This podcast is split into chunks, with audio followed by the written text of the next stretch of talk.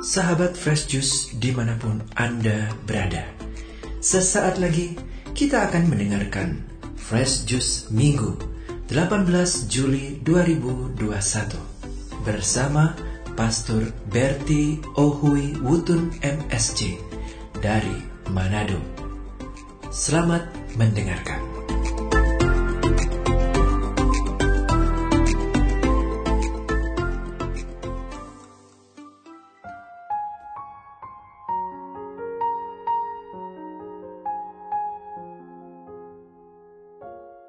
Selamat pagi para sahabat Fresh Juice.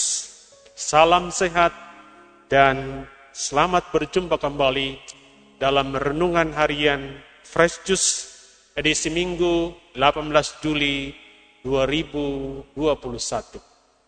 Mari kita awali permenungan kita dengan membaca teks Injil Markus pasal 6 ayat 30 hingga ayat 34. Sekali peristiwa, Yesus mengutus murid-muridnya mewartakan Injil. Setelah menunaikan perutusannya, mereka kembali berkumpul dengan Yesus dan memberitakan memberitahukan kepadanya semua yang mereka kerjakan dan ajarkan. Lalu Yesus berkata kepada mereka, "Marilah kita pergi ke tempat yang sunyi." Supaya kita sendirian dan beristirahatlah sejenak. Sebab memang begitu banyaknya orang datang dan pergi, sehingga makan pun mereka tidak sempat. Maka pergilah mereka mengasingkan diri dengan perahu ke tempat yang sunyi.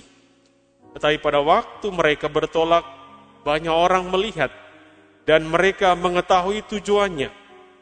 Dengan mengambil jalan darat, segeralah datang orang dari semua kota ke tempat itu, dan mereka malah mendahului Yesus dan murid-muridnya. Ketika mendarat dan melihat jumlah orang yang begitu banyak, tergeraklah hati Yesus oleh belas kasihan kepada mereka. Karena mereka seperti domba yang tidak mempunyai gembala. Lalu mulailah ia mengajarkan banyak hal kepada mereka. Demikianlah sabda Tuhan. Terpujilah Kristus.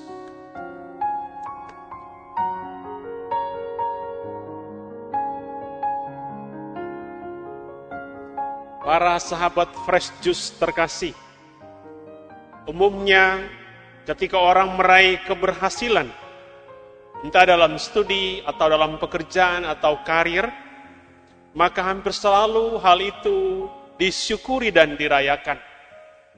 Ada yang hanya dengan doa, tetapi tidak sedikit pula yang merayakannya dengan pesta, mulai dari yang kecil dan sederhana hingga yang meriah dengan mewah, dengan biaya yang besar.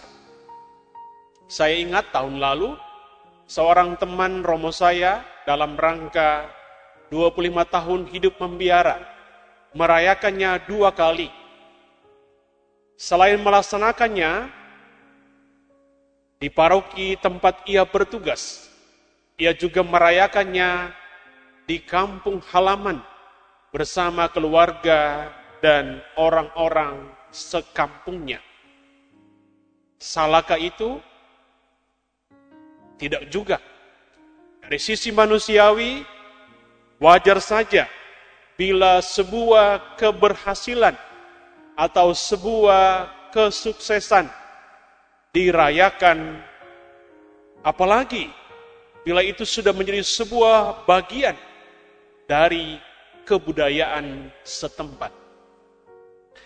Namun hari ini Yesus menunjukkan sisi lain bagaimana sepatutnya sebuah keberhasilan dalam pelayanan kita syukuri dan kita rayakan sebagai pengikutnya. Penginjil Markus dalam bacaan Injil yang sudah kita dengarkan mencatat bahwa sepulang dari pelayanan para muridnya berkumpul bersama dengan Yesus Dan kemudian dengan penuh semangat dan penuh sukacita mereka menceritakan kepada Yesus apa yang telah mereka lakukan dan ajarkan. Sebagai manusia, mereka berharap bahwa keberhasilan itu mungkin bisa dirayakan, disyukuri dengan makan dan minum anggur sepuasnya. Namun yang terjadi, Yesus justru mengajak mereka untuk mencari tempat yang sunyi, tempat yang sepi untuk melakukan dua hal, yakni untuk menyepi dan beristirahat. Mengapa keheningan, kesunyian, dan bukan pesta pora yang dipilih Yesus untuk merayakan, mensyukuri keberhasilan pelayanan para muridnya?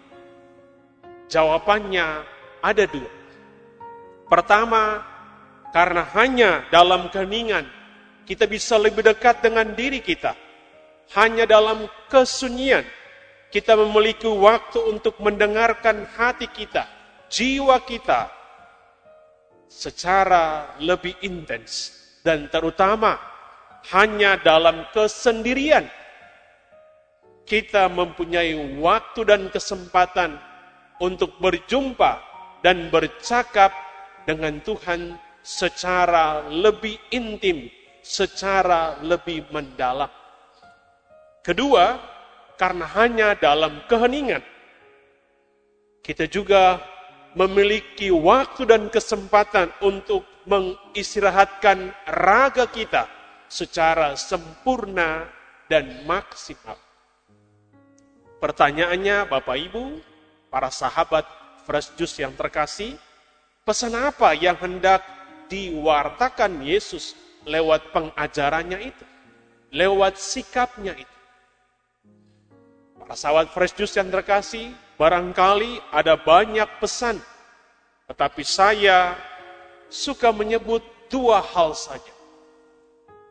Pertama, pentingnya mensyukuri dan merayakan keberhasilan, terutama dalam pelayanan bukan dengan pesta pora, bukan dengan hura-hara, tetapi dengan sikap hening dan menyepi.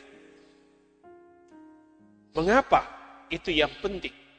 Dasarnya karena bukan hanya tubuh yang bisa beristirahat dengan enak dan nyaman, tetapi jiwa kita pun bisa tumbuh dengan mekar dan berbuahkan belas kasih, kerahiman, kebaikan hati, kemurahan, dan cinta di dalam kehidupan kita.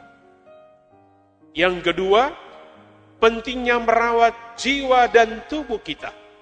Mengapa? Karena jiwa dan tubuh yang baik dan sehat itu sama-sama penting dalam pelayanan kita. Memiliki tubuh yang baik dan sehat, tubuh yang baik dan kuat itu perlu. Tapi tanpa disertai jiwa yang sehat, jiwa yang baik tidak akan berarti banyak bagi hidup dan pelayanan kita. Sebaliknya, mempunyai hati yang baik dan sehat, jiwa yang bersih, jiwa yang tulus, jiwa yang penuh bela rasa, tanpa ditunjang oleh fisik yang kuat dan sehat, tidak banyak juga berarti bagi sebuah pelayanan yang baik. Kita hanya bisa melayani dengan baik dan menghasilkan hasil yang maksimal jika ditunjang, didukung oleh fisik dan jiwa yang baik dan sehat. Karena itu, para sahabat Fresh Juice yang terkasih, mari kita rawat tubuh dan jiwa kita. Mari kita pelihara hati kita, raga kita, supaya bisa menunjang hidup dan pelayanan kita. Mari kita rawat dan pelihara itu. Karena keduanya diciptakan baik oleh Tuhan.